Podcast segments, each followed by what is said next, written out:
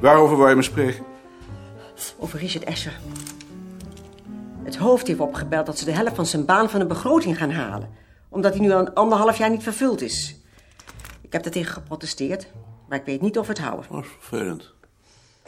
Waarom neemt die jongen toch geen volledige baan? Omdat hij nog niet is afgestudeerd. Maar wanneer studeert hij dan eindelijk eens af? Want straks nemen ze die formatieplaats ook in. Hij had al lang afgestudeerd moeten zijn. Belazerd is dat hij allemaal ziek is. Ik heb hem anders vorige week zaterdag gewoon bij mij in de buurt zien fietsen. Sommige mensen zijn alleen door de werk ziek. Maar hoe moet dat nou? Ik zal eens met hem praten. Maar doe het dan gauw, want ik ben bang dat we anders de helft van die baan kwijt zijn. Wie is die het hoofd eigenlijk? Dat is de opvolger van Uit Den Haag. Het wisselt daar ook met de dag. Zoals Dus ze die jongen het leven zuur hebben gemaakt, dat is echt verschrikkelijk. Maar ik kwam voor iets anders. Kan ik twee lage kastjes met tien brede planken van ongeveer 75 centimeter krijgen? Waar is dat voor? Om onze kaarten in op te bergen. Maar heb je daar nog plaats voor? Tussen Tjitske en Gert in.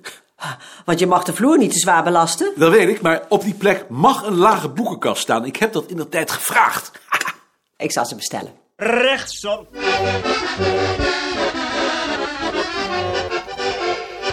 Morgen. Dag Joop. Dag Sien. Dag Maarten. Dag Maarten. Dag Bart. Dag Maarten. Dag Bart. Dag Ad. Rie. Eh, Je, je hebt die mappen gedaan. Ja? Zat er nog iets in? Nee, Niet? het was allemaal flauwekul. Vond Jaring dat ook? Ik hoefde ze Jaring toch alleen maar te laten zien als er iets in zat. Dat heb je dan verkeerd begrepen. Eh, Jaring had alles moeten zien. Dat wist ik niet. Bij alles wat we hier doen is een controle ingebouwd om te voorkomen dat we iets over het hoofd zien. Dus. Een volgende keer doe je het wel? Goed. Linksom.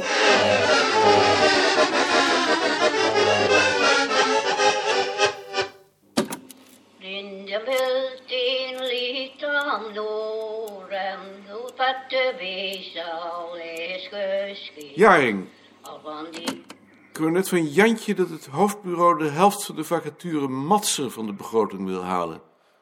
Omdat Richard nog altijd halve dagen werkt. Dat is vervelend. Dat is heel vervelend. Is daar niets aan te doen? Jantje heeft geprotesteerd, maar ze is bang dat we het niet houden als Richard niet zo gauw mogelijk hele dagen gaat werken. En ze is ook bang voor de formatieplaats. Als ze niet eindelijk afstudeert. Dat zou hij ook eigenlijk eens moeten doen. We moeten weer eens een gesprek met hem hebben. Het vervelende is alleen dat hij ziek is. Misschien is hij niet zo erg ziek. Dat zou wel eens kunnen. Als jij nou eens een afspraak met hem maakt, hier, en daarbij zegt dat we wel naar hem toe komen als hij te ziek is. Dat wil ik wel doen. Goed. Ik hoor net van Rie dat ze die mappen in haar eentje heeft weggewerkt. Dat was toch de bedoeling? De bedoeling was dat jij dat zou controleren. Dat had ik dan niet zo begrepen.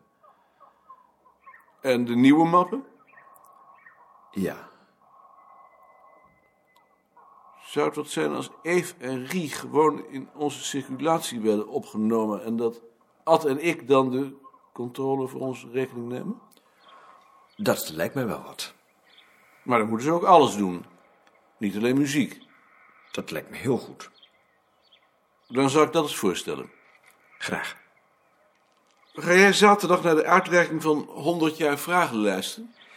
Ik ben bang dat ik daar niet kan wegblijven, want mijn vader die kreeg als oudste aanwezige correspondent het tweede exemplaar uitgereikt. Is dat nu al beslist? Ik geloof eerlijk gezegd van wel. De wereld is slecht. Ja. Je hebt gehoord dat ze ons er niet eens bij wilden hebben? Ik heb zoiets gehoord. Ik was razend.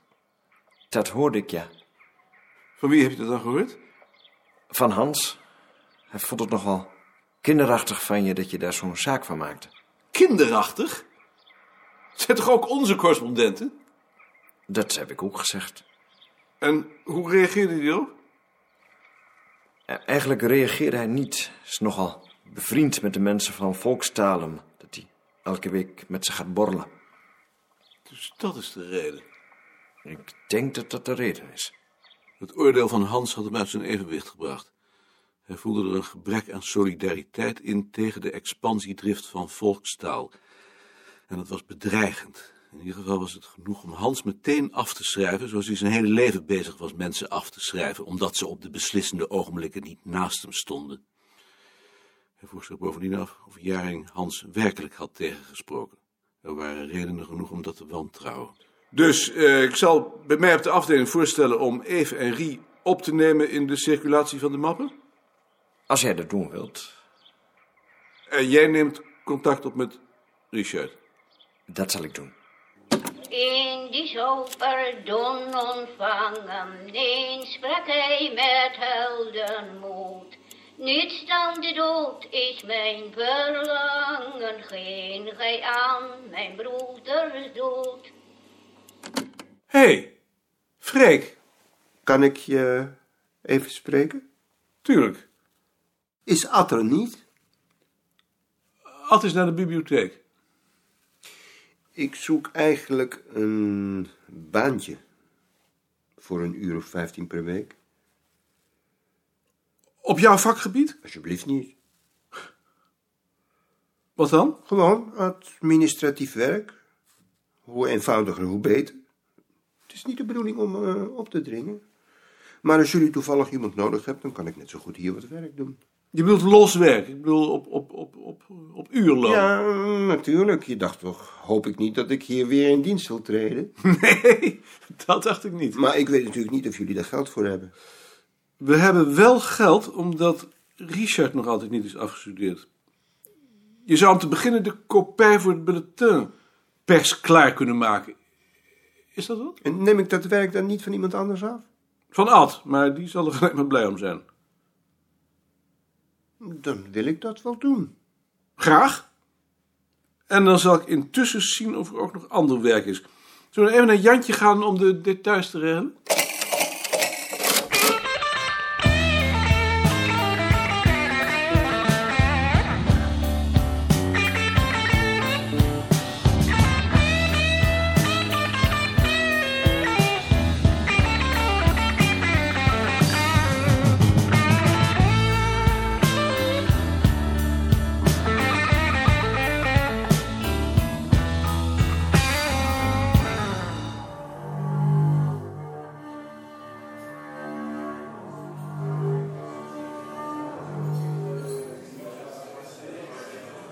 Dag Lien, dag Lies, dag Elke.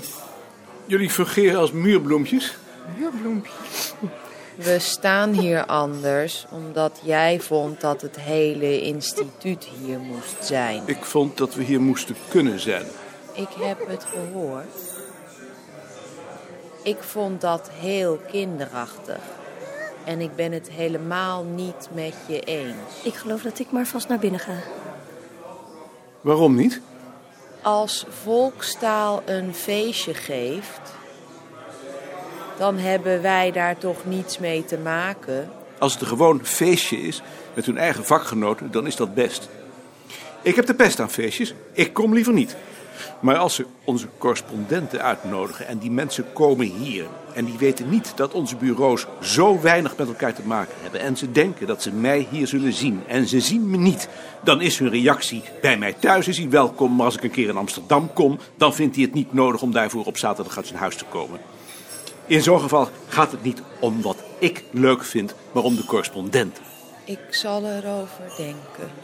Zal ik maar doen.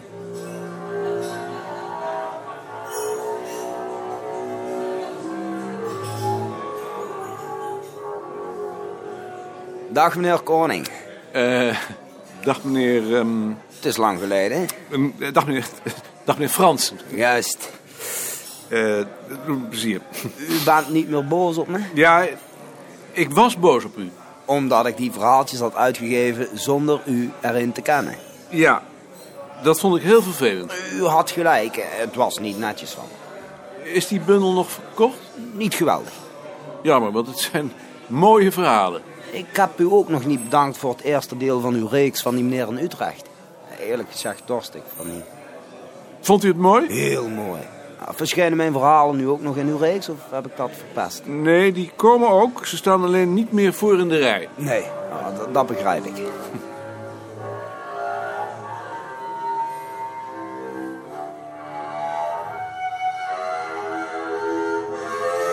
Dames en heren, namens het Bureau voor Volkstaal heet ik u allen hartelijk welkom. Wij zijn er bijzonder verheugd over dat u, op een zaterdag nog wel, in zo grote getale naar Amsterdam bent gekomen om met ons ons feest ter gelegenheid van 100 jaar vragenlijsten te vieren. Uw aanwezigheid is een stimulans om straks welgemoed aan de tweede 100 jaar te beginnen. Maar voor we dat doen, willen we de dag van vandaag gebruiken om samen met u even terug te zien en u een blik in onze keuken te geven. Ik hoop natuurlijk van harte dat u dat zal bevallen en dat u straks gesterkt weer naar huis zult gaan. Voor ik daarvoor als eerste het woord geef aan professor Weinert, geef ik u nog een wijziging in het programma. Het was de bedoeling dat mevrouw Jansen na de lezing het eerste exemplaar zou aanbieden aan de minister van Onderwijs en Wetenschappen. Helaas is de minister verhinderd, maar hij is zo vriendelijk geweest om in zijn plaats de heer Dreesen te sturen, die het exemplaar voor hem in ontvangst zal nemen. Ik heet de heer Dreesen dan ook heel in het bijzonder welkom. En dan geef ik nu het woord aan professor Weinert.